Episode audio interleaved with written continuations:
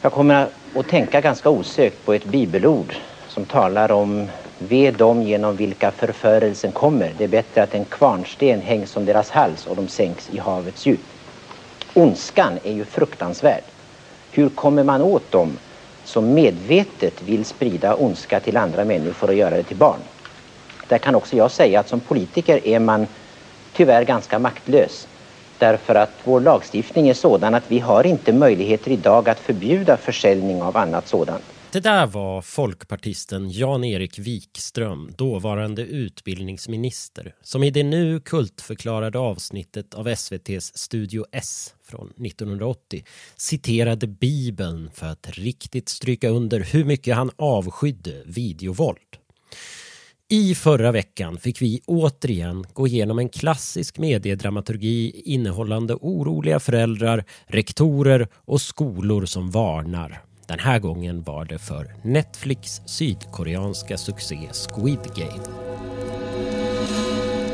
Minns ni clownhysterin 2016? När det rapporterades om mystiska clowner som skrämde, förföljde och hotade både barn och vuxna. Minns ni hur mycket sanning det egentligen låg bakom alla rykten?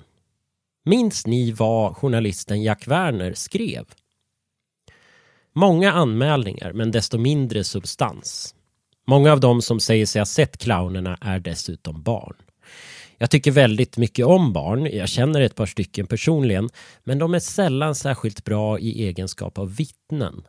Om barn går runt uppskrämda och tänker på clowner är de mer benägna att se dem.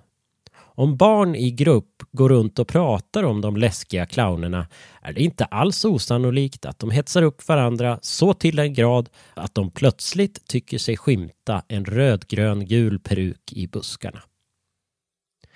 Minns ni Momo Challenge från 2018? När föräldrar trodde att barn genom kedjebrev innehållande en bild på Momo, ett slags huvudfoting med stor mun och stora ögon hämtad från japansk folklor, hetsade varandra till olika utmaningar som i värsta fall skulle sluta i självmord. En skolchef skrev Utmaningarna eskalerar fort och övergår i kränkande behandling och maktutövningar mot okända djur, kamrater och familjemedlemmar. Minns ni hur det egentligen var med de här ryktena? Minns ni vad journalisten Jack Werner skrev? Momo är en sorts spökhistoria som barn tror på och blir rädda för precis som de alltid blivit. Det finns inga belagda fall av skador, självmord eller dataintrång kopplade till Momo. Och nu då i förra veckan Rektorer varnar för Netflix nya succéserie. Barn leker barnlekar. Tagna från en otäck och blodig serie. Det har förekommit rapporter om att de låtsas skjuta varandra. Herregud. Den här gången var det norrländska socialdemokraten som var först och andra medier följde okritiskt efter. Och Jack Werner, han var där. Även den här gången enträget, beundransvärt. Till slut blir man trött på att skriva samma text vartannat år, skrev han på sin blogg. Och ja, han har ironiskt nog blivit en del av den här mediedramaturgin. Sveriges Radios program Medierna tog upp rapporteringen om Squid Game nu i lördags och reportern Tonchi Pertsan intervjuar rektorn på skolan som norrländska socialdemokraten skrivit om. Men hon säger att de inte alls skickat ut någon varning. De skickade ut information till föräldrar om att vissa barn hade sett klipp från Squid Game på Youtube och TikTok. Rapporteringen som följde den första artikeln bestod till stor del av andrahandsuppgifter. TV4 följde efter och likaså Aftonbladet. Jack Werner säger till medierna att det inte finns någon mediedramaturgi innehållande information som fungerar. Det behövs något mer dramatiskt. Det är därför att artiklarna rubriksätts med varning. Medan det i själva verket inte är någon som varnar mer än medierna själva och föräldrar på Facebook.